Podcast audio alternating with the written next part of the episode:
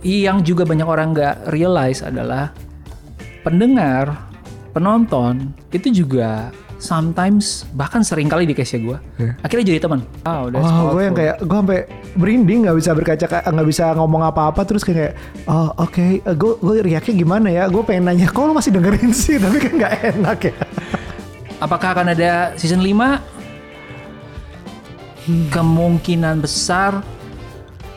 30 Days of Hey guys, welcome back to 30 Days of Lunch. This is the final episode of season 4. balik lagi bareng sama gua Ruby dan Aryo. Aryo. Dan sekarang Ruby yang mau curhat nih udah dari sofanya udah pas. Kita Iya. mau c- keluh kesahnya Ruby apa sih tentang channel ini? Gimana dong? Ngobrol apa kita hari ini? Mungkin ya ritual kita setiap akhir season ya, selalu ada kesempatan buat kita untuk ngobrol, mikir lagi selama 30 episode tuh nggak singkat loh. Wah, itu hampir panjang ya. setahun gitu. Seminggu satu gitu kan. Eh, apa yang udah kita masing-masing dapat dan mungkin yang teman-teman dapat Ya. dan mungkin juga kita akan ngulik beberapa hal-hal baru karena Ya. menurut gua belajar itu nggak bisa berhenti di ngedengerin doang tapi lu udah praktekin kah, lu udah Iya. nyobain kah, dan nggak berarti juga harus kali nyobain berhasil, Bener. progresnya udah sampai mana? Ada progres itu menurut gua udah bagus. Iya. Dan season 4 ini menurut gue juga kita kan uh, menge- menge- mengusung sebuah tema yang berbeda ya dari season Iya, sebelumnya. Kita punya namanya underdog yang mengundang orang-orang yang sebenarnya ini efeknya lebih besar dari yang lo pikirin gitu. Iya, Mungkin lo iya. pernah dengar, tapi ternyata kita gali lebih dalam lagi, meaning Yes. underdognya tuh semakin keluar. Mau kita seperti itu semoga sampai dan itu ini juga udah kolektif ya. Maksudnya kita udah punya tiga season awal yang Iya. bikin orang melek akan beberapa hal, terus sekarang maksud sih nggak ada yang dipraktekkan, nggak ada yang benar-benar berguna buat kita gitu. Um, kayaknya ada beberapa finding yang menarik sih Ya. dari uh, season ini gitu. Terutama ketika kita nyoba underdog story, turns out banyak banget yang relate dengan underdog story itu. Bener. Uh, mungkin kita mulai dari angka sedikit ya. Boleh.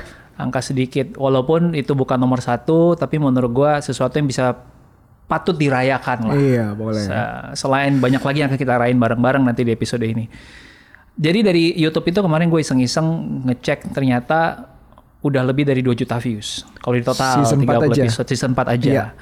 Di uh, podcast sendiri di Spotify itu udah uh, lebih dari 400 ribu Iya. listened. Which is menurut gue a very very uh, interesting numbers. Yep. Um, karena waktu pindah ke YouTube kan kita nggak tahu gitu apa yang akan Ah. terjadi gitu. Tapi ternyata uh, sesuai impian kita, kita pengen scaling deep. Jadi gimana caranya nyampein pesan-pesan itu dengan cara yang lebih dalam gitu kan? Karena kalau ada video kan bisa bisa jadi Ekspresi real, muka, bisa ekspresif ya, muka, ah, orang bisa bisa ngerasain gitu. Dan uh, banyak banget yang komen-komen yang yang yang menurut gua menarik. Jadi kita bacain Iya, semua feedback kalian. Nanti kita akan uh, screenshot beberapa, Iya, kita betul. akan share beberapa di sini. So stay tune sampai akhir. Tapi mungkin kita bahas setelah angka dari lo sendiri impactnya apa yuk? Yang mungkin top 3, top 5-nya lo gitu episode. Top- oh, episode ya. Iya, kita ngomongin episode. Jadi ini juga berarti episode yang kita berangkat dari pandemi season 3 Iya.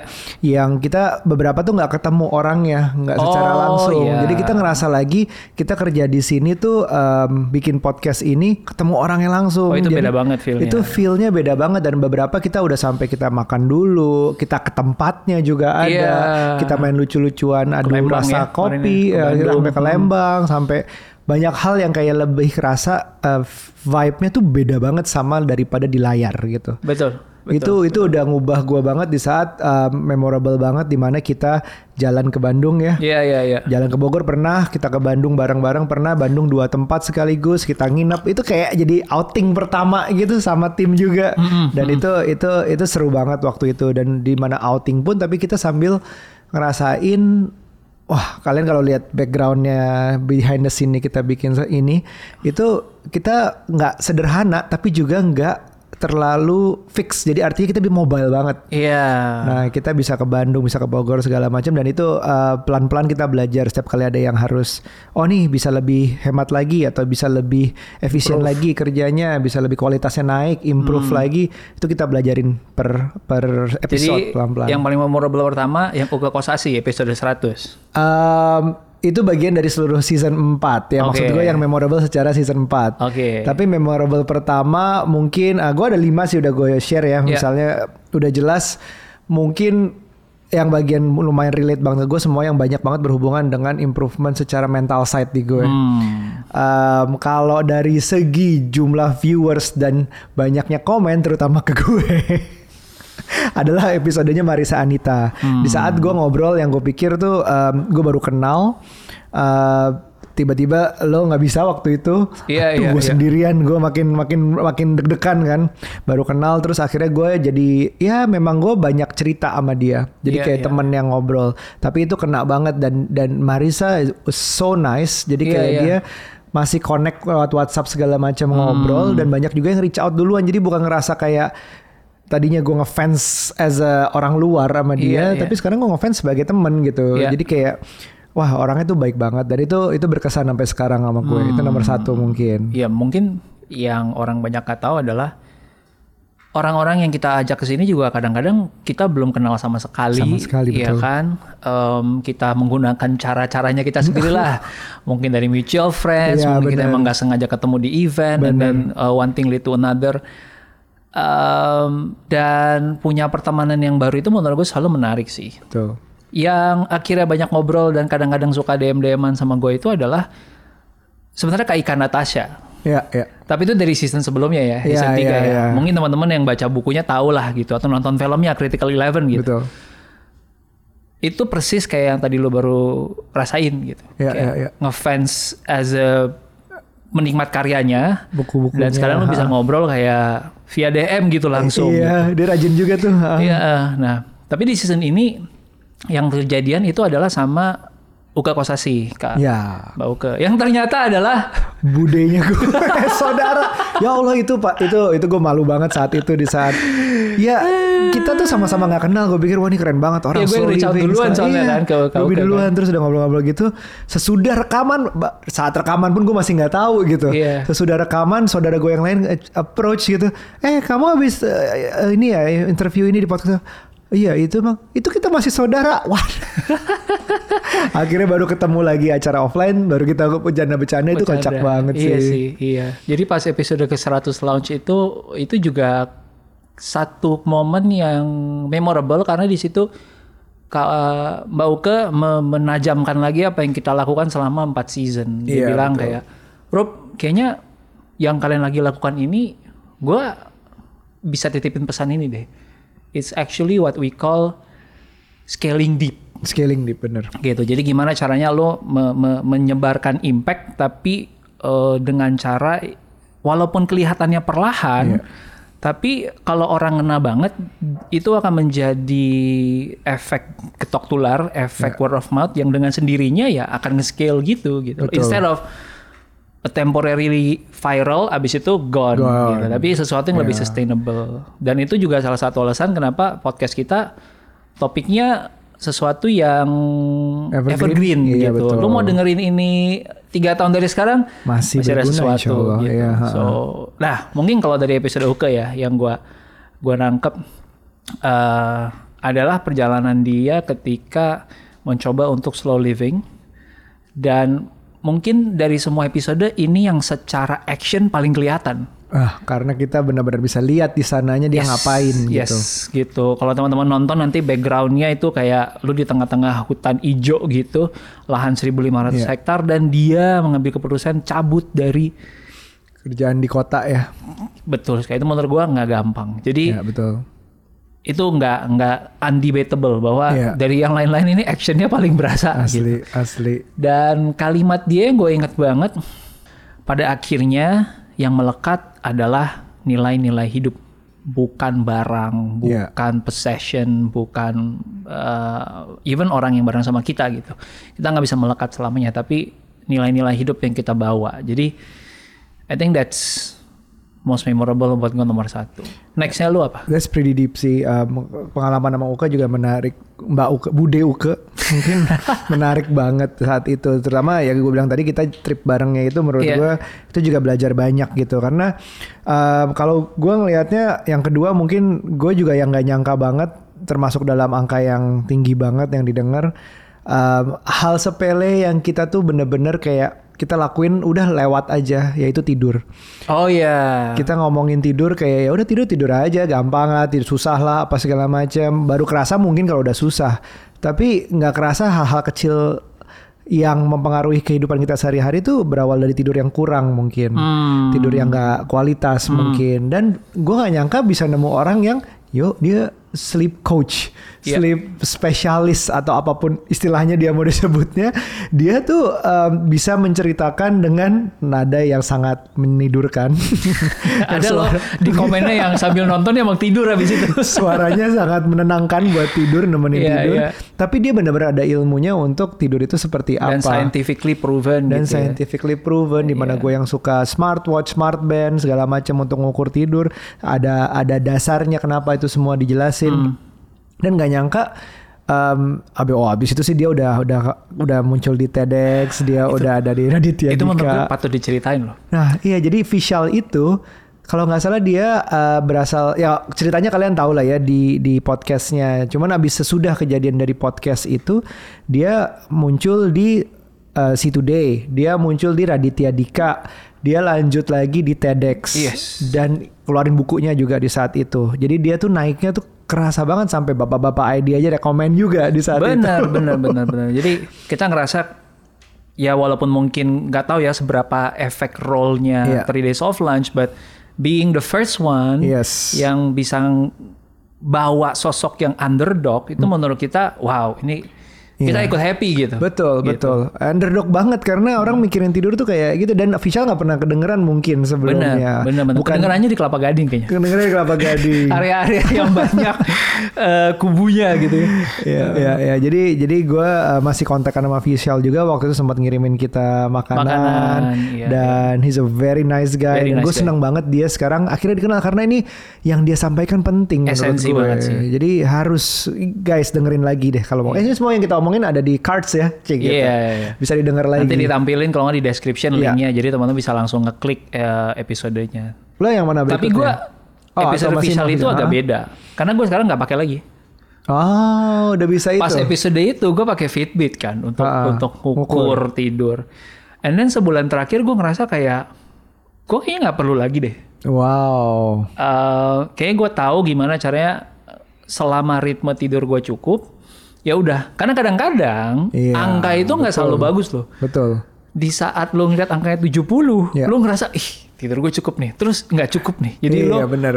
secara nggak langsung lu ngerasa kayak oh iya mungkin karena itu gue capek terus lu jadi lemes Iya, padahal iya, sebenarnya iya, kalau iya, lu nggak iya, ngeliat angka itu it's you feel that Iya. it's just another normal day gitu Ya padahal 80-70an tuh tip- tipis-tipis doa banget bedanya gitu Exactly, loh. Nggak gitu. jadi pressure-nya tapi justru kerasa lebih banyak. bener apalagi untuk orang-orang yang data analytics banget kan kayak wah tujuh nih kepalanya kan kalau zaman sekolah dulu angka tujuh itu masih dapat pecut juga Iya, 8 baru betul. bagus Betul, betul. Nah, iya iya memang sih Eh, mungkin itu monitoring itu ngebantu di saat kalau lagi down ya. Maksudnya lo lagi Iya, iya, butuh iya. benerin, Lu tahu udah. alasannya kenapa. Nah, begitu lo udah bener, mungkin ya udah nggak usah gitu. Bener-bener. Jadi maksud gua ini yang gue suka sih bahwa Hmm. teman-teman nih yang mungkin dengerin podcast itu juga sesuatu itu kan message itu kan fluid ya. Hmm. Nggak melulu harus stay di sana ya nanti mungkin ada perkembangan Iya, tulis aja betul. di komen jadi kita bisa tahu nih abis lo dengerin episode itu sampai sekarang apakah ada perubahan Iya. feel free karena dari situlah kita pengen dengerin scaling deep tadi next episode Next episode I would go with um, apa namanya ya tentunya si dua sejoli, eh, dua sejoli nggak sejoli Gita ya? dan Catwomanizer. Gita dan Catwomanizer yang Catwomanizer kita undang lagi uh, karena topiknya juga sehari-hari cukup relate sama gue yang hubungannya sama Iya, iya, relationship. Um, itu banyak banget dan memang to bring out Gita itu karena kalau Gita modelnya eh bukan model ya Gita tuh gue udah kenal udah cukup beberapa lama lah kenal I think she has a brilliant mind dan yang harus dibawa ke permukaan gitu lebih Yeah. sering Yeah. dan gue harus nih uh, Rup ini temen gue mau Yeah. gue ajak nih kayak Ruby juga tahu orangnya terus oh ya udah yuk Betul. biar seru lebih rame lagi dari sisi-sisi yang berbeda karena dari episode itu yang menarik yang yang benar-benar kenapa kita jadiin karena status yang berbeda dari empatnya. Hmm. ada yang belum menik ya ada yang nggak mau menikah dan nggak mau punya anak. Yes. Ada yang uh, sudah dua kali menikah. Ada yang punya anak ada yang belum punya anak sudah menikah. Dan pernah keguguran. pernah keguguran. Jadi Baru akhirnya posisinya tuh mengusahakan lagi punya anak. That's why that episode was so colorful, so diverse Iya, menurut gue. Jadi jadi banyak banget yang bisa dipelajari dan dari empat itu nggak ada yang benar nggak ada yang salah, cuman Iya. masalah pilihan hidup dan itu itu yang gue pengen semua orang lebih banyak sadar sih. Maksudnya bukan cuman ngejudge orang karena beda terus sudah pasti salah. Beda kan salah benar bahkan di episode lain juga baik aja bisa menjadi sebuah spektrum. Apalagi salah benar gitu. Salah Iya. benar bisa jadi sebuah spektrum juga belum tentu. Dan bisa juga masalah perspektif eh, orang dan relatif setiap orang bagus benar Iya. baik segala macam gitu. Itu menurut gue pada akhirnya ya tadi kalau nyambungin sama episodenya eh, Mbak Uke kembali ke nilai-nilai hidup yang masing-masing pegang gitu. betul So bukan soal benar dan salah, tapi cocok atau nggak cocok sama lu. betul. Kalau itu align segaris dengan nilai lu ya lu jalanin dan nggak berarti lu harus maksain itu orang lain kok. Iya. Dan itu nggak ganggu lu juga kalau orang lain nggak hidup kayak gitu gitu. Iya, jadi kalau kita rame-rame dengar ada yang punya pilihan berbeda, ya ya sudah pilihan berbeda mengganggu lo nggak gitu. Iya, iya, atau atau sampai dia kalau melanggar hukum mungkin lain urusannya ya udah aduin aja kalau melanggar Iya, iya, hukum. iya. Tapi kan this is nothing to do with that gitu. Ya Iya. udah nggak apa-apa. Justru semakin kaya lo nya sendiri dengan tahu oh ada ya orang berpendapat seperti itu dan Iya sih, gue gue lihat lo kenapa Hmm. berpikir seperti itu. Tapi gue punya pikiran gini, nggak apa-apa ya. Yuk kita temenan aja gitu. Mumpung lagi topik things. itu, Ya. gue tadi nyatet sebuah komen yang gue suka banget pas episodenya Gita dan Cat Womanizer. Jadi gue bacain ya. Monggo. Nah ini eh terima kasih kepada Bun Bun. Oke. Namanya Bun Bun banget nih. Lucu soalnya dia bilang gini, gue sebagai bidan relate banget sama podcast yang Cat Womanizer dan Gita Sis. Punya anak itu harus siap mental dan finansial ya. Iya. Soalnya cuman buka soal lucu-lucuan. Dan yes, perempuan itu punya pilihan mau hamil atau tidak. Jangan sampai ada kehamilan tidak direncanakan atau tidak diinginkan. Ya. Karena eh, anak itu bukan jaminan masa tua kita dan mereka bukan mereka yang harus wujudin mimpi kita dulu. Setuju banget. Punya anak kalau kamu udah siap nggak minta balasan. Hmm. Karena datang dari seorang bidan yang sehari-hari mungkin membantu melahirkan anak. Menurut gue ini komen powerful banget. Mungkin dia banyak banyak mengalami ya, banyak Yes. melihat orang tua yang melahirkan Yes. seperti apa ya. Dan mungkin dia banyak mendengar situasi Banyak di mendengar. ruangan gimana kalau orang tua yang siap, kurang Iya, siap iya. atau tidak siap sama sekali. Iya iya iya. iya, gitu. iya. Jadi menurut gue ini menarik gitu. Thank you ya. Kak Bun-bun. Bun Bun. Bun bun. Eh, kalau gue nih ya, gue nambahin ya. Kan tadi Cat Womanizer sama Gita. ya. Em, ada nggak di topnya gue? Nah ini serunya beda nih sama gue. Oke. Nggak masuk di topnya gue. Siap. Gua ngerasa episode berikutnya adalah Daddy Van Sophie. Oh, itu ada di gua. Jadi kita bahas sekarang Ah aja. ya boleh kita Ah, bahas sekarang. Eh teman-teman yang belum nonton nonton deh. Harus. Em, atau dengerin di eh, podcast. Menurut gue episode itu enak didengerin di Spotify. Entah kenapa. Karena apa tuh? Oke. Eh, Oke. Karena justru banyak cerita yang imajinasi lu lebih kerja kalau lu nggak ngelihat Oh, visual. Kan dia datangnya, cerita-cerita ya, ya, ya, pengalaman betul. gitu kan. Nah, ada dua quotes yang menurut gua kena banget. Pertama, selama rezeki tidak lu nikmatin sendiri, maka lu nggak perlu mencemaskan esok hari. Nah itu yang pertama, yang gua rasa powerful banget. Dan Hmm. yang kedua, bahagia itu memang sederhana, Ya. tapi untuk kelihatan bahagia itu yang tidak sederhana gitu. Bener bener ya itu juga gue masih ingat. Dua tuh. itu aja udah dah kelar dah itu.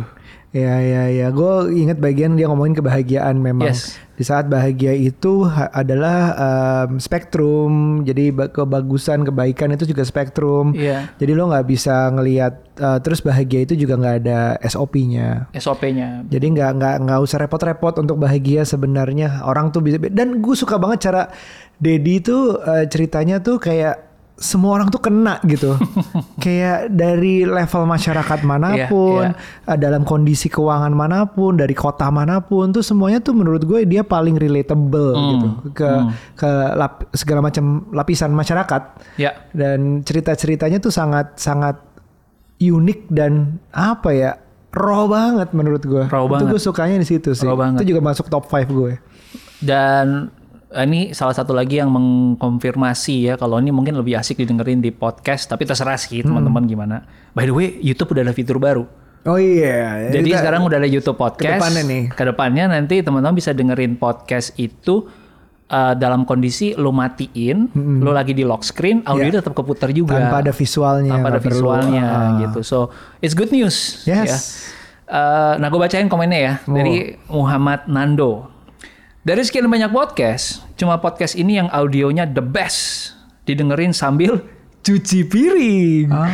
Cuman kurangnya dari podcast ini adalah narsum sama topik pembicaranya bikin cucian yang gak selesai-selesai.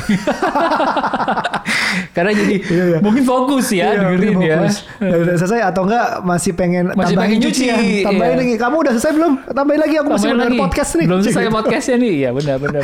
Iya iya. Eh, tapi kenapa ya ide waktu itu beda suaranya apa ya? Padahal kita kan menggunakan tools yang sama ya. Iya, nggak tahu Atau sih. suaranya Dedi kali ya. Mungkin suaranya Dedi suara seorang bapak Suara yang sedang kebapaan. berusaha memenangkan hati anaknya kan. Ya, wah Jadi itu bagian itu juga menarik. hatinya nyampe tuh kayaknya tuh. So, Iya, iya, iya, For me iya. that's the other episode and then uh, abis ini gue satu lagi, Iya. abis itu lo ya. Oke, monggo.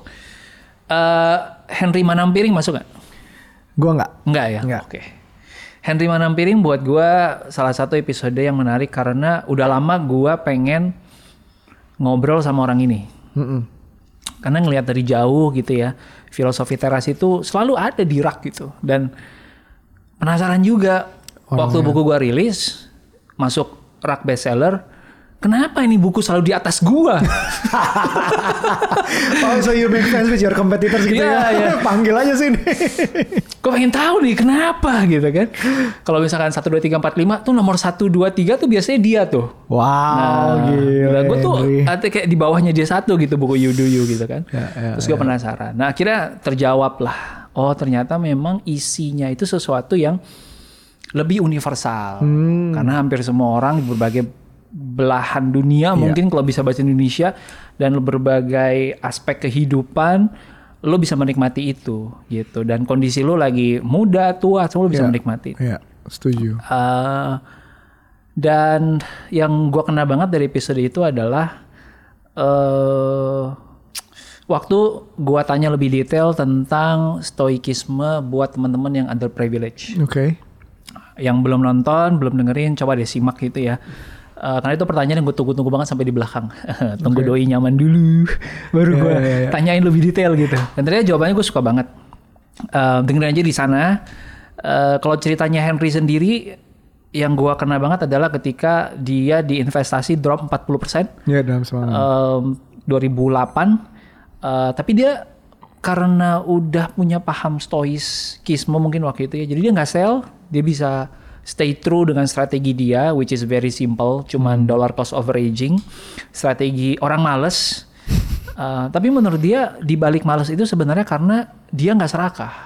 I see. gitu. Jadi eh I think stoikisme itu sejalan banget sama eh, kehidupan finansial kalau kita mau kehidupan finansial yang baik Ah, ya ya ya ya. Apa yang bisa kita kontrol dan yang tidak kontrol itu bisa bisa, kita dibagi kontrol ya. tidak kontrol betul dan banyak orang yang nggak sadar kan sebenarnya yang lebih bisa kita kontrol tuh pengeluaran kita Iya betul betul betul. karena apa yang- penghasilan bisa naik Benar. turun gitu kan Nah, gue gue episode itu juga uh, mungkin top 5 juga masuk di kira-kira Iya, iya. di ujung ya karena gue ngerasa uh, Henry itu bukan cuman stoik secara oh dia tahu baca dari sini tinggal ditulis lagi di reward kata-kata Iya, iya. dia tapi dia benar-benar ngejalanin gitu. Ah. Karena kalau kita lihat mundur lagi ke Twitternya dia kan anak Twitter gue anak Twitter ada ada lama banget. Iya, iya, Ya, iya, iya. Dia tuh bitter pernah ada momennya di mana semua dikomenin dan engagementnya emang rame di saat itu. Hmm. Iya, Wah, iya. news splatter Kontroversi. tuh kontroversi dikit tuh uh, komenin kejadian ini. Kan kita kalau di Twitter harus responsif harus harus oh yang lagi rame apa komenin segala macam itu naik naik. Dan dia pinter orangnya dan memang komentarnya bagus-bagus. Tapi lama kelamaan komentarnya very safe now. So engagementnya juga less sekarang. Iya iya iya. Cuman berarti kan dia menjalani di balik itu untuk Betul. um, gue nggak peduli apa yang nggak bisa gue kontrol gue Iya, cuma mau iya. kontrol apa yang gue tahu aja segala macam bla bla bla. Stoikisme itu jadinya. Jadi perjalanan dari Twitter accountnya pun kerasa dan kelihatan Iya. gitu. Gue nggak sempet nanya ini sih tapi mungkin kalau Om Henry lagi dengerin apakah punya anak di usia 30-an akhir itu juga bagian dari stoikisme? Sabar aja nunggu gitu. Hmm, bener bener bener bener bener kalau itu gue bisa kerasa di saat gue susah punya anak dulu gue nggak kebayang sih kalau gue punya anak di umur 20-an awal karena gue meledak meledak banget di saat itu. Ya lebih meledak meledak lagi lah gitu. Iya, iya, iya, iya, dan mungkin itu bagian dari proses. ya. jalan yang di atas lah Yang di dikasih atas. ke gue gitu. Next. Next, eh, mungkin ya terakhir ya mungkin secara angka mungkin nggak akan besar nih karena baru direkam juga. Ya. Jadi yang sangat dekat dengan kehilangan orang yang dengan cancer. Hmm, Nah, Dinda. Di saat itu ada satu hal yang eh, mungkin dari episode itu menarik karena gue dengar dari orang yang eh, Ya. menyitas bokap gue kan nggak bisa ngomong segitunya gitu Hmm, me- perasaannya seperti apa. Cuman yang pengen gue bahas nih An, ada satu topik yang uh, di underdog nih gue nggak nemu siapa yang pengen gue interview. Iya, iya, iya. Tapi topik mengenai kematian sih. Iya. Gimana kita bisa interview siapa yang mempersiapkan kematian before atau menghadapi kematian seperti apa. Kita kan masih banyak kayak uh, jangan ngomongin Iya. kematian dong, sedih nanti atau Iya. enggak uh, you jinx it nanti malah kejadian loh apa Hmm. gitu. Jadi tapi justru uh, ada satu video lu juga kan menunjukkan bahwa dengan kita membicarakan kematian kita menghargai kehidupan, Kehidupan, gitu. betul. Itu masih pengen gue bahas. Jadi dari situ sejak kejadian bokap, sejak ngobrol sama Fala tuh semua tuh lingering in my head aja gitu. Iya, iya. Mungkin episode di Lestari dekat kali ya. Iya Ya, betul karena sih. dia kan kehilangan juga kehilangan grieving. juga. Heeh. Eh, Lo gimana? iya, iya, iya. Episode itu menurut gua walaupun fresh, em, akhir-akhirnya baru kita rekam, tapi eh, relatable ke banyak orang ya. Karena mungkin topiknya unusual di podcast kita. Dan mungkin selama pandemi juga banyak orang yang kehilangan. Ya. ya banyak yang kedukaan jadi semoga itu bisa menjadi salah satu salurannya teman-teman lah kalau Semoga. bisa nyampein bisa apa ya bisa bantu pupuk kalian gitu Iya. nah satu komen yang gua gua rasa patut harus wajib gue ceritain terikat episode itu adalah ada seorang pendengar dari Malaysia namanya Sofia Selamat. Uh, love from Malaysia. I'm literally crying from KL watching this episode. Sangat useful banget. Um, terima kasih sharing sessionnya dan semoga uh, dia lagi ngalamin di mana dia bagian dari perjalanan kakaknya yang lagi ngalamin cancer juga. Um, dan dia juga caregiver uh, buat suami dan anak-anaknya.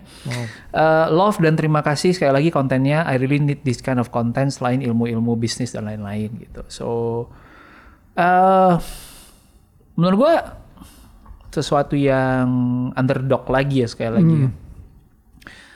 Kalau kembali ke angka gitu ya, gue coba untuk ngepetain 2022 kemarin, 2023 ini apa sih yang orang butuh? Ternyata top 5 episode kita secara numbers itu semua berhubungan sama mental health atau well-being. Iya betul. So ya apa ya gue ada rasa bahagia dalam artian kita bisa menjadi bagian dari momen-momennya orang ketika mereka juga lagi nggak mudah ngejalanin hari-hari gitu. Dan on the brighter side, gue mau apresiasi nih salah satu. Ini komennya juga muncul di episode Fala. Dia bilang, what an episode. Thank you to 3 Days of Lunch dan Fala. Uh, another reminder how fragile our life is and cancer Yeah. is definitely not the end. Gitu. Tapi sosok ini itu ngomennya rutin banget. Oh iya. Nah teman-teman perhatiin deh, kalau mau iseng ya cari The Wobbly Ninja. Oke. Oke. Nah ini ini mungkin kisah di luar yang gue belum Iya. pernah cerita. Jadi The Wobbly Ninja ini kenapa gue ngerasa orangnya sangat suportif. Satu dia eh, di channel YouTube gue dari lama dia udah sering muncul, sering komen dan dia juga menjadi salah satu member di YouTube. Oke. Jadi yang paid membership. Iya. Terus kemarin tuh gue sempat ada satu event sama temen gue eh, acara tentang UMKM dan ternyata ada satu orang yang datang terbang dari Kalimantan ngobrol-ngobrol-ngobrol-ngobrol minta tanda tangan buku gue terus gue tanya dong bro kayaknya cara ngomong lu tuh familiar banget deh. Kita udah pernah DM DMan belum sih di Instagram? Dia bilang, oh iya pernah dong. Apa nama username lu? The Wobbly Ninja. Lah lu! Gua. Wow dari Kalimantan. Nah, jadi menurut gua yang juga banyak orang nggak realize adalah pendengar, penonton itu juga sometimes bahkan sering kali di case gua Iya. akhirnya jadi teman. Yes. Akhirnya ketemu, akhirnya ngobrol. Dan terakhir waktu eh, gua sedikit merayakan karena dapet Gary V. Gary V punya mystery box, itu volunteer semua tuh yang ngerjain. which is teman-teman yang gue yakin juga pendengar 3 Days of Lunch gitu. So that is another example of scaling deep tadi gitu. Iya, iya, iya. Gue nggak nggak akan bisa kebayang eh, orang-orang ini mau menjadi volunteer eh, kalau mereka juga nggak ngerasa mereka dapat sesuatu kan dari podcast ini. So gue appreciate banget. Ini mungkin kita masuk ke bagian appreciation Iya, ya, iya, iya. karena eh, banyak orang-orang yang mungkin nggak sadar bahwa untuk bikin podcast ini bisa dinikmatin dan gratis Yes. Itu bukan berarti nggak ada biaya sama sekali di Bayangin, belakang. gratis Bukan loh. berarti nggak ada effort tenaga gitu. Iya. Gue banyak sih yang um, support kita ya. Maksudnya Iya. uh, kita bersyukur banget bukan cuman um, sponsor. Uh, walaupun kita kita kerasa tuh kayak ini, ini gratis. Gue tuh aw- awal-awalnya bikin konten kayak gratis masih aja dikomenin haters gitu segala macam. Hmm. Rasanya mau kayak gitu tapi you, you know lah. uh, Leo mungkin berusaha nyenengin banyak orang, Hmm. tapi tapi gue ngelihatnya kayak oh gue dapat justru lebih banyak gitu ya dari dari pengalaman bikin 3 days of lunch ini Hmm. Iya, dalam iya, artian iya. bukan uang justru Iya, justru iya. bukan uang justru pengalaman justru ilmu justru Pertemanan. pertemanan semuanya ini kayak kayak pertama uh, mungkin kita appreciation time ya mungkin ya sekarang Iya, ya iya, iya. Um, ada beberapa sponsorship yang kita ada sampai sekarang Betul. Gua lebih senang menyebutnya our official partner. official kayak partner boleh aja gitu official kan. partner kita Iya. memang disupport gitu ya ya Iya, karena em, ya nanti teman-teman akan ngelihat gitu behind the scene-nya di sini. Iya. Ruangan ini bisa kita nikmatin Nah, setiap minggu buat kita rekaman karena ada orang baik yang meminjamkan meminjamkan gitu ya. Em, sangat nyaman, kita nggak keganggu dari Yoi. suara dan kalau kita mau sewa ini full, hmm, Ah. fantastis nilainya gitu. Tapi so appreciate buat angel-angel yang memilih untuk di belakang Angel. layar gitu ya. Iya. Em, terus tadi em, our official partner Open Labs Open Labs yang sangat sangat membebaskan kita mau super generous. super generous dan membebaskan kita percaya banget sama kita mau bikin itulah Belum berkaman pun mereka udah bilang kayak I trust you. Pokoknya gua akan pledge 30 episode gua akan support. iya karena gue sama Ruby juga sering collab ya sama brand Iya, ya iya, ada yang memang wah pagernya itu rapet banget lo Iya, nggak iya, boleh iya, keluar dari sini Iya. gitu tapi Open Labs is very yang gue suka sih adalah ya itu sangat menyerahkan kepada kita Iya, tapi di luar dari itu menurut gua ini bukan pesan sponsor, Hmm. tapi menurut gua itu vibe-nya sama gitu. hmm, Dalam artian gini teman-teman, mungkin selama ini yang lu suka nge-skip ya, adlibnya open lab, ini saatnya lu dengerin karena dia bisa jadi bermanfaat buat lu. benar setuju Di mana lagi lu bisa dapat orang yang bersedia untuk bilang, oh bisnis lu bagus, udah jalan 2-3 tahun, laporan keuangannya rapi, profitable. Mau nggak gua beli sahamnya, walaupun perusahaan lu ya perusahaan private. Gua beli sahamnya dengan nilai multiple lah ya, 3x mungkin 4x mungkin 5x mungkin tergantung jenis bisnisnya. And then gue bantuin lu jalanin bisnis supaya bisa di scale sampai lebih gede lagi. iya iya iya iya iya Menurut gua nggak banyak orang yang mau capek kayak gitu. betul betul Karena lebih enak lo ya udah gua ngambil jalan yang lebih gampang aja gitu. iya ya iya kan? Tapi dia mau eh, take ownership sekaligus bantu dan lu sebagai pemilik bisnis juga mungkin lu udah ngejalan bisnis ini 3 tahun, 4 tahun, 5 tahun lu butuh exit sedikit lah Iya. supaya lu bisa menikmati hasil kerja keras lu sambil lu ngegedein lagi bareng. So menurut Iya. gua kalau lu salah satu orang yang punya bisnis ini dan lo mau manfaatin momen ini sih ngobrol dulu deh sama Open Labs. Bener. Jadi nggak jadi urusan belakangan urusan belakangan. betul. Tapi bisa jadi yang selama ini lu lagi nunggu Iya. kesempatan, that could be the opportunity gitu. Nah, tapi selain Open Labs, I think the next one we need to thank is our audience. What do you think? penonton kita tuh gue nanti ada final thanks juga gue ada tapi penontonnya channelnya Ruby ini itu gue pertama kali sih salut ngelihatnya bahwa komentarnya memang ada yang tentu ada yang haters ya tapi mostly mostly itu sopan baik dan pinter-pinter gitu Hmm. dan yang gue kaget tuh kayak loh kok ada yang apa nyumbang Wah, Oh Iya, bisa iya, ya? iya, iya, Oh iya. bisa ya kayak Super gitu nyumbangnya? Thanks namanya. Namanya Super, Thanks. Jadi gue juga Wow. kaget tuh. Pagi-pagi ada notifikasi tiga puluh ribu terus tulis thank you ya udah bikin podcast ini gitu Iya, ternyata bisa nyumbang. Iya dan itu menurut gua gua appreciate banget sih Iya, konten yang seharusnya kalian dapat secara gratis, mau itu kalau mau komen, mau enggak, mau share apa, mau gimana pun perasaannya, say thank you itu buat kita udah lumayan cukup. Tapi Iya, kalau kalau sampai nyumbang, wow, itu, kalian kalian yang hebat sih. menurut itu gua. gua appreciate banget dan lucunya Mm-mm. ada yang sampai nyumbang dua kali tiga kali loh Iya, nanti deh gua kalau ketemuin namanya gua tampilin di sini ya iya, iya. iya. atau mungkin orangnya suka di belakang layar gitu gua nggak tahu Oh iya ya, Ya, please kalau kalau di masjid dia hamba Allah tulisannya. iya iya iya iya, bener bener Ya, bener kayak bener, gitu, mungkin nggak mau didisclose. Mungkin nggak mau didisclose Iya. jangan kalau gitu karena kadang-kadang orang baik melakukannya cuman karena ya dia percaya sama kita dia mau Iya, support ya udah gitu. Iya. Em, ya jadi yang teman-teman yang yang ngebantu share, ngebantu like, subscribe, bagiin di WA mungkin kita nggak bisa ngelihat karena datanya kita nggak bisa ngelihat ya. Em, atau eh, kalian ceritain ke temen itu itu menurut gua bentuk apresiasi yang udah paling minimal dan gua jempol banget, jempol Iya. banget. Iya, gitu. iya, iya, iya. Eh, apalagi ya, mungkin kita juga harus appreciate teman-teman yang ada di sini nih. Betul. Ada empat orang yang di belakang kamera, yang mungkin kalian nggak nyadar gitu ya. Um, so ketika kalian mensupport channel ini, secara nggak langsung kalian juga mensupport kehidupan dari empat orang ini Betul. dan keluarga-keluarganya, happy happy semua. gitu kan?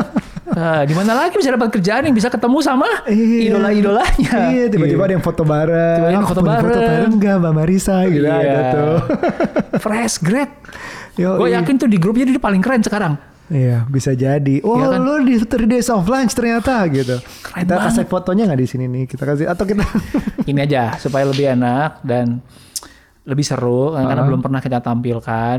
Kita undang mereka satu persatu lalu cerita episode mana yang mereka paling kena juga, mereka suka, paling memorable terserah deh. Nah, Tapi kita we kenapa? give them uh, two three minutes silahkan. Oke. Kita panggil yang pertama dulu kali ya. Dari Ya, yang apa nih? Biar balance yang perempuan dulu. Yang perempuan dulu. Ayo Grace. Ayo Grace, silakan waktu dan tempat. Ini adalah C. Hai. Hai. Hai, sana? coba ini adalah Grace. Grace Hai. uh, bagian dari Cetides. tim editor dan, Editor dan videographer. Nah, Grace, Silakan. episode terbaik paling kena dan kenapa? Episode paling kena itu sebenarnya banyak sih episode yang kena. Yang paling kena akhir-akhir ini hmm, Marisa My lovely. Karena aku suka banget ngefans banget sama Kak Marisa itu sebuah kejutan yang luar biasa ya yang tidak disangka-sangka. Marisa Anita bicara tentang proses healingnya di mana kita ya anak muda sekarang lagi ngomongin healing healing healing healing yang nggak pernah berakhir.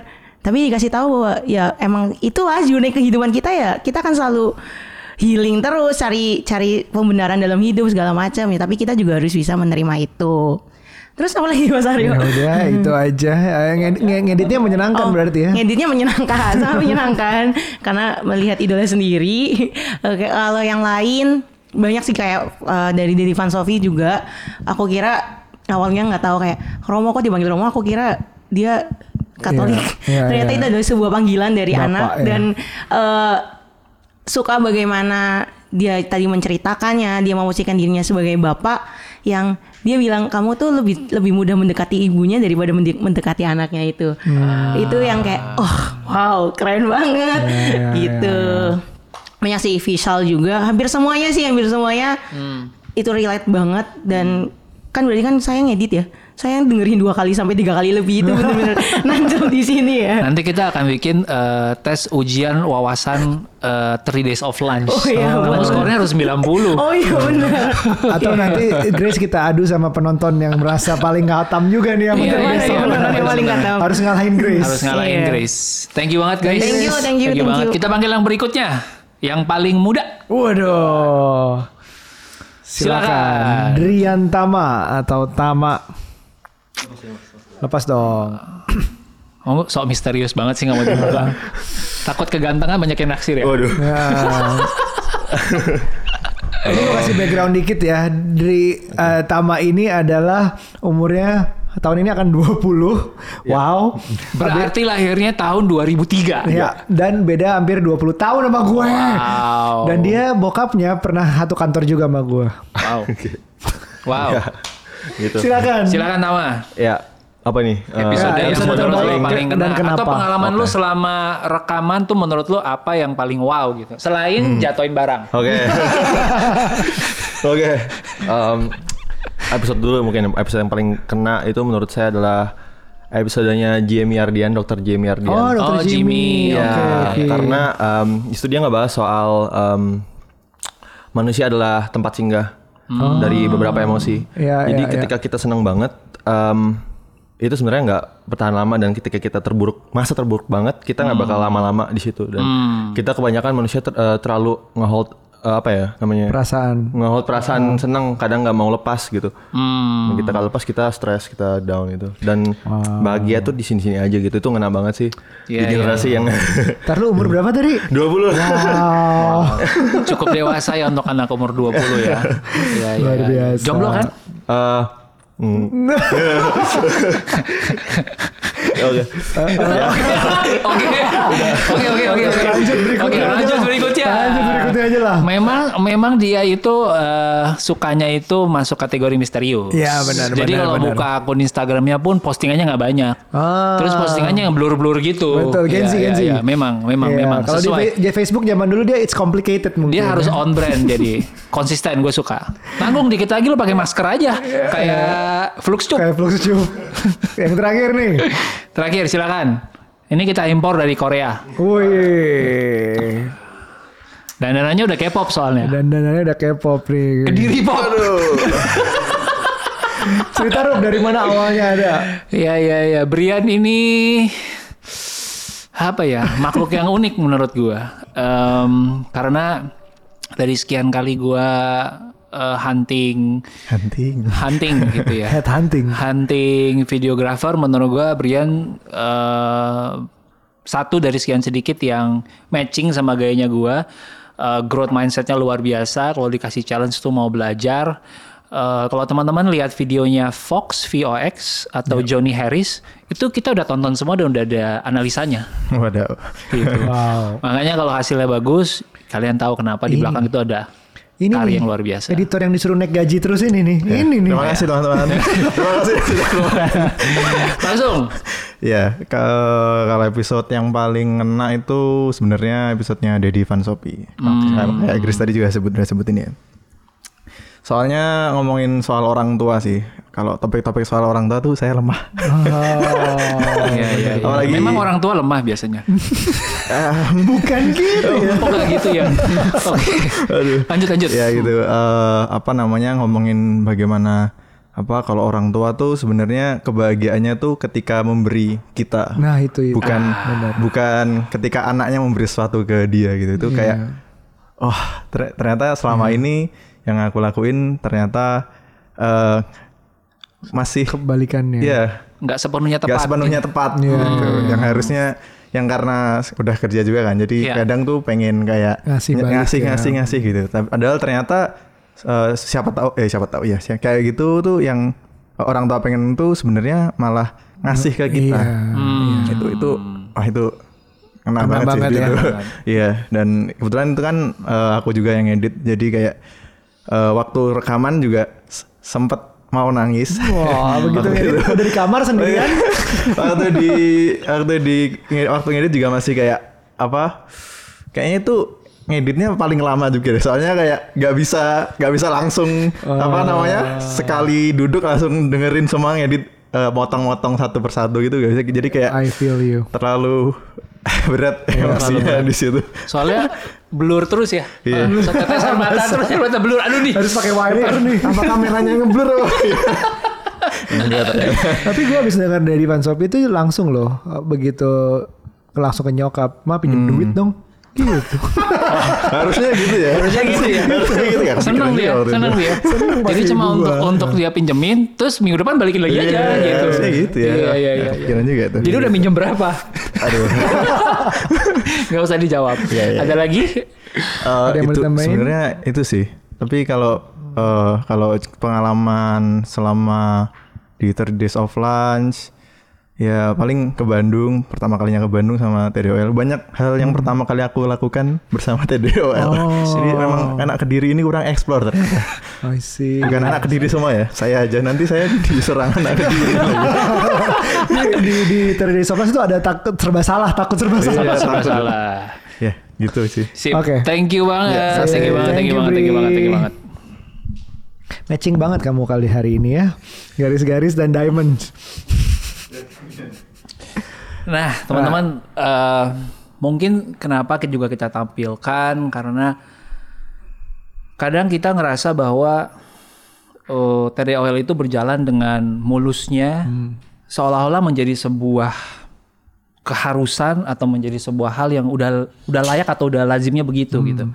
Padahal ya itu bisa terjadi karena effort, energi, Banyak, waktu dan uang dari begitu banyak pihak yang terlibat. So dengan dengan kita buka seperti ini sebenarnya juga mau kasih tahu apa yang kalian lakukan sekecil apa pun untuk support 3 Days of Lunch. Itu dampaknya bukan cuman gue dan Aryo tapi juga tim yang ada di Iya, sini betul. gitu. Dan siapa pun yang mungkin akhirnya jadi terpapar sama 3 Days of Lunch Ya. gitu. Dan mereka jadi terbantu walaupun mungkin cuma dalam obrolan berapa menit atau satu episode doang Uh, so yes Habis satu lagi sih, satu lagi yang perlu diapresiasi mungkin teman-teman di sini pasti setuju adalah lu Rup. kenapa Ya nggak? Setuju nggak? Nggak, Tuh nggak, kan? nggak, Ah, coba nggak sebenarnya gini, ka- untuk teman-teman yang tahu di balik sini ya, ada ada tuh baru gue berangkat ke ah, lagi trip kemarin ditanya kok Terry of Lunch nggak channel sendiri atau di channel lo yuk kan lo udah lama YouTubean bukan masalah itu kita mau um, scaling deep tadi dan Ruby ini dibalik semuanya dibalik ini semua Wah, is you're one of the most organized person I know sih, Rup. Dan itu itu dia bisa ngajarin semuanya very systematic, very precise gitu. Jadi kayak kita kita diem tuh bukan berarti kadang-kadang dari kita diem tuh bukan berarti apa takut atau apa, cuman kayak ya juga sih Bener juga sih berapa kali momen kayak gitu nih ini udah pada ngangguk-ngangguk semua di sini. So I think I think uh, banyak banget effort dan pemikiran di balik ini semua juga thanks to Ruby gitu. So sama-sama likewise likewise. I don't I don't mind at all um, konten ini di mana lebih ke arah kayak yang penting tujuannya nyampe dan dalam kondisi yang sesempurna mungkin sebisa kita mungkin. Ini udah bagus dan kita tentu ada ada ada ada masalah tiba-tiba Ya. suatu saat. Ada kita rekaman mati lampu ada kita rekaman um, satu kamera hilang kehapus nggak ada yang sadar kan penonton. Heeh, itu juga Iya, iya, ada iya, dan iya, dan dan itu kita semua kita lalui bareng dan lo uh, ngelit ini cukup Thank you, thank sih. you, thank Dan you, thank itu you. apresiasi buat Ruby. Oke, thanks ya Thank you, thank you, tambah thank you. sumbangannya silakan ditulis di bawah. Iya ya menurut gue it's, a- it's always a team effort lah. Iya, iya, Eh, Dan kalau gue bisa ngejalanin ini sejauh ini 4 season 120 episode sendiri pasti nggak mungkin. so the presence Aryo dan tim yang ada di sini menurut gue definitely gila, ya. definitely very valuable. Um, What's next nih? what's next ya? Gue Hmm. mungkin nextnya mau ngebacain beberapa komen lagi Oke. yang menurut gua patut dan sejalan sama yang tadi baru lu ngomong Ya. gitu. Mungkin orang-orang yang baru pertama kali denger nih. Nah, Jadi ada Tasya yang bilang bagus banget, benar-benar daging dan banyak belajar, eh, apalagi survivalnya menghadapi kehidupan. Jadi merasa banget disemangati untuk berkarya. Terima kasih sudah selalu berkontribusi atas pertumbuhan hidup aku. Ini kayaknya pendengar baru yang akhirnya jadi rutin dengerin. Ini dari episodenya Dewi Lestari. ah, Terus ada lagi yang bilang nih baru tiga minggu lalu nih dari Sahwati menemukan channel ini. Berarti baru dengar tiga minggu yang lalu. Ya. Dan kualitas video maupun suaranya oke dan yang paling bagus menurutku cara hostnya nanya sopan dan ngena dan tahu mau ke mana arah topik pembicaraannya. Ternyata banyak ya orang-orang yang punya kemampuan bagus tapi nggak terkenal. Yes, afirmasi kita nggak terkenal yo. gitu. oh my gosh, itu kan tujuan gue biar terkenal. Ya soalnya top, salah kita juga kasih judul underdog. Underdog, Ya, iya. ya kan? Nah, Sebenarnya salah- underdog kita kali ya. Underdog Akan kita underdog mungkin. selamanya tapi sayang banget. Em, terus ada lagi dari Salsabila Kintan. ini juga baru tiga minggu yang lalu. Ini buat semua ya. Mau say thank you banget, banget, banget, banget. Wah, bangetnya sampai tiga kali gitu. Buat Korubi sama Pak Aryo. Gue nggak tahu kenapa Korubi dan Pak Aryo. ya. Nih rambut putih. Jumlah kayaknya. ubannya mungkin ya. Aduh. Dan timnya karena udah buat TDOL masih tetap ada sampai sekarang dengan topik yang gak habis-habis dan bermanfaat banget. Terakhir ya eh, ada namanya Bu Siska. Nah, kenapa gue bilang Bu Siska? Karena dia ngaku sendiri di Tulisannya komennya. Bu Siska. Ibu-ibu hadir. Oh, Gitu kan. Daripada nongki-nongki ibu-ibu terus gibah, mendingan kita grow bareng di channel ini. Wah, Wih, gila, lagi gila. juara. Iya, iya, ini iya. pasti nih kalau di grup WhatsApp nih Iya.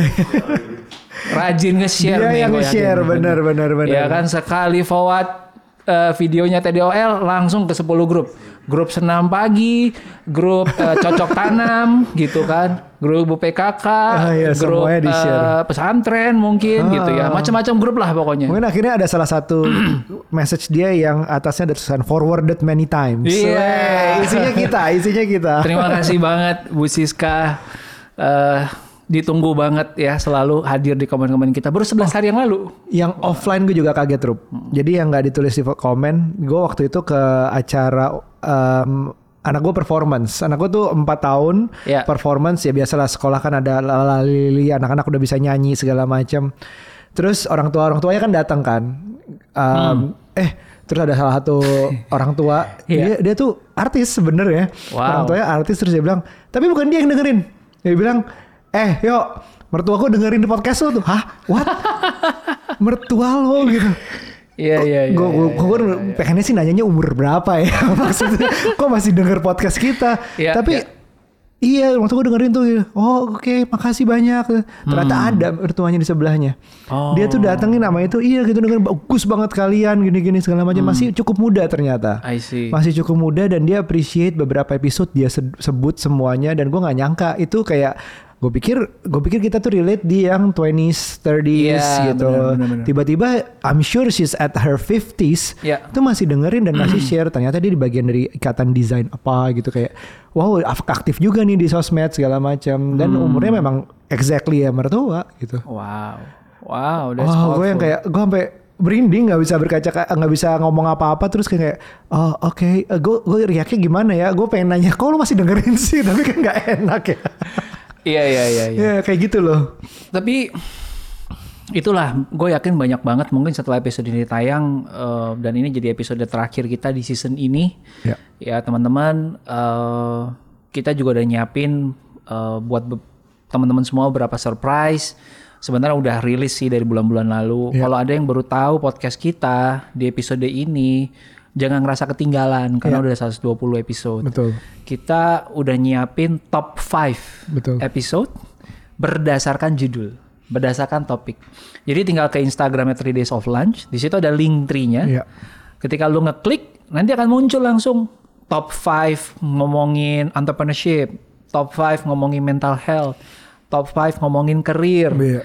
Nah, jadi pilih yang menurut lo lo sekarang paling butuh uh, dan mulai dari situ dulu aja. Ya. Karena udah top 5 ya itu berarti yang paling banyak dapat respon dan responnya bagus-bagus. Betul, gitu. betul. Dan memang memang kita sendiri, gue sendiri terutama masih suka, uh, oh gue lagi butuh yang ini. Ah, yes. Gue balik lagi ke episode ini. Contoh misalnya money relationship sama Coach Yuza itu masih beberapa kali gue dengerin. Hmm. Karena bukan karena nggak bisa bilang juga ini episode terbaik atau terburuk atau apa segala macam, tapi karena lagi butuh di saat itu. Yes. So you guys will find that moment di saat gue butuh tentang relationship, gue butuh tentang grieving ada beberapa Hmm. kali, gue butuh tentang apa itu ada momen-momennya sendiri yang karena tujuannya 3 Days of Lunch ini pertama evergreen dan bisa menemani momen-momen di hidup kalian. Momennya Yeah. si Brian sama momennya si Tama dalam hidupnya akan beda misalnya di sini Hmm. dan dia butuh itu di satu momen dalam hidupnya di saat yang lain belum tentu. So have a look, have a look at that playlist, have a look at all the episodes. I think pasti ada yang relatable karena itu semua bagian dari hidup kita yang belum 40 sih sebenarnya, tapi ada bagian dari hidup-hidup gue yang udah ngerasain banyak hal itu yang membutuhkan itu gitu. Iya, iya, iya, definitely, definitely. So, uh, mungkin untuk menutup, kita juga mau say thank you buat guest kita, Ya. ya, semua yang udah bersedia untuk hadir di sini. Hmm. Walaupun tadi kata ibu tadi ya, kita bukan orang yang terkenal. Bukan orang terkenal. Siapa sih nih yang ngundang gitu kali ya? Tapi em, kehadiran kalian itu percayalah sedikit banyak uh, punya dampak kayak orang-orang yang tadi udah nulis di komen. So we really appreciate that dan ditunggu dalam Ditunggu waktu dekat lagi. bakal ada surprise buat teman-teman yang udah hadir di sini sebagai guest. Um, cannot reveal to all of you, tapi uh, We're preparing something. Yes, it's gonna be something yang very memorable. Dan mungkin untuk menutup uh, episode ini, tutupnya pakai apa yo ya? Tutupnya pakai apa? Kita pakai yel yel gimana yel yel? Enggak. Tadi OL, yes, yes, yes, gitu. Aduh. Cuan gitu. Oh enggak ya kita enggak cuan. Ya mungkin uh, terakhir dari kita, apakah akan ada season 5? Kemungkinan besar ada dan tidak. Apa kita harus bikin episode kita pamit? Enggak. Untuk menunjukkan ada season 5. Tapi gue akan gua akan kasih sedikit pertimbangan gue. Kenapa iya dan tidak. Em, mungkin sekarang gue condong ke iya, tapi dengan beberapa footnotes atau catatan gitu. Hmm, harus diakui setelah 120 episode itu tidak semakin mudah. Makin susah, betul. Standar sebuah podcast yang bagus semakin lama semakin tinggi. Benar. Dulu gue mulai sama Aryo dengan satu alat rekam Zoom H2, dua tiga headphone, dan audio only. Tempat aja kita nggak sewa-sewa, nggak Exactly, kita- apa, nggak bayar, nggak apa, udah Makan siang di mana ya udah rekam gitu kan. So sekarang standarnya di setinggi ini. Iya. Teman-teman bisa ngeliat sendiri the amount of gear yang kita perlu siapin gitu. Em, tempatnya juga gitu. Nomor satu menurut gua yang sangat kita butuh dan gua nggak tahu mungkin ini caranya semesta untuk mendukung ya. Kalau di sini ada teman-teman yang punya space yang dirasa sejalan sama misinya kita gitu. Uh, reach out to us. Please masih Jakarta ya, Iya. antara Jakarta Utara sama Selatan, tapi at least masih Jakarta. Iya iya, kalau di Jaksel mungkin area-area Kuningan Iya, iya. gitu kan, area Senopati gitu, Senayan kita seneng banget kalau bisa di Iya. area-area segitu. Em, dan kita nggak butuh tempat yang gede banget, but we think we need a home yang kita bisa uh, do it properly. Iya. Dan ini nggak kita nggak lagi minta gratis. Iya. Uh, we have a budget mungkin nggak gede, tapi semua kita bisa kasih added value yang berlipat kali ganda Wah, bagus dari uh, kehadiran kita di situ gitu kan. Uh, jadi gue nggak tahu iya dan tidaknya. Nomor satu adalah karena si tempat tadi. Kalau tempatnya ketemu, definitely iya gitu. Yes, yes, ya yes, kan? And then yang berikutnya Kalau Ah. dari gue, gue merasa pengen ada um, ya sebenarnya minta bantuan ke teman-teman juga untuk menyebarkan podcast ini. Ya. Kenapa? Karena um, kita menemukan kadang adalah sulit mengundang seseorang karena jadwal. yes. Uh, karena jadwal tuh artinya kita tuh dalam keadaan oh dia sibuk atau mungkin dia belum tahu kita siapa Iya, gitu. Bisa iya, jadi. Iya. jadi kalau semakin kita punya uh, pendengar lebih banyak secara angka juga mungkin semakin mudah mengundang orang lagi. Iya. gitu. karena saat ini kan tahu. kenalan-kenalan aja Iya, kita ya iya, gitu. iya, kita pengen reach out. Siapa tahu bahkan saking gedenya yang dari luar negeri kita bawa ke sini gitu Bisa jadi. Nah soal ngundang-ngundang mengundang ini kita harus kasih jempol juga ke Aryo karena sebagian besar itu yang reach out itu Aryo dan Ya, nggak tahu malu yang banyak omong Iya. ya Cuman menurut gue ya itu balance ya gitu. Karena kayaknya kalau gue yang ngundang gue nggak punya satu kesabarannya mungkin atau gue nggak punya networknya. Iya, iya, Tapi iya, Aryo itu sebagai anak jaksel itu jejaringnya bagus banget, jejaringnya bagus banget. Iya, iya, iya. Em, Untuk ses eh, epis apa namanya season 5 sendiri, gue juga udah punya beberapa list underdogs ya yang kepikiran dan ya tadi uh, would love to make the new studio, the new home Yep. happen sebelum kita jadiin itu. Nah kalau teman-teman tadi pengen support ini ya kalian udah tahu cara-caranya lah kita nggak perlu ngulang lagi. eh tapi tenang sambil kalian menunggu kita nggak akan sepi. Eh, kalian bisa selalu ngedengerin 30 Days of Lunch di berbagai channel kita dan pastinya di Instagram karena di Instagram kita akan bisa lebih aktif di sana. Yap. Dan kita juga sekarang punya Twitter dan Betul. TikTok. Dan TikTok, ya. Teman-teman bisa cari 30 Days of Lunch. Kalau di Twitter TDOL Podcast. Yes. Gitu. Bisa dicari itu bisa di go through nanti kita akan tetap update dari situ sementara kita ya istirahat untuk Ya. planning berikutnya season Yes. 5 dengan Yes. dukungan kalian juga. Yes. Dan with that in mind kayaknya udah habis. It's been 50 plus minutes. Yes. Uh, thank you semua udah menemani kita selama 30 minggu terakhir. Uh, it's been one interesting, fun, and joyful process. Semoga kita bisa terus berbagi manfaat. Thank you so much Ruby. Thank, Thank you, you, so much Aryo. tim di sini dan thank, Thank you, you so much semua. penonton semua yang nonton Thank you. ini dan nyebarin Thank ini you. dan thank, you. Thank Bye. you. Bye. See you at the next lunch. Kat, mantap.